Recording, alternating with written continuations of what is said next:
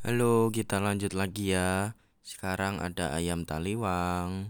Adalah makanan khas Pulau Lombok dari Kampung Karang Taliwang, Kota Mataram, Nusa, Tentang, Nusa Tenggara Barat yang berbahan dasar daging ayam.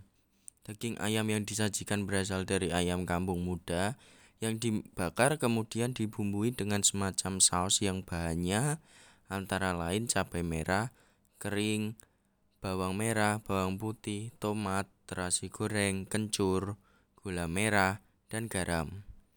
Nah, makanan ini tuh memang terkenal pedas, guys.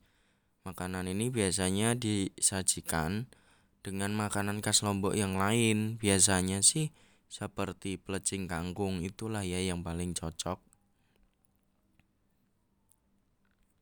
Nah, siapa nih di sini yang belum pernah ngerasain ayam taliwang? Aku sih pernah bikin, enak loh.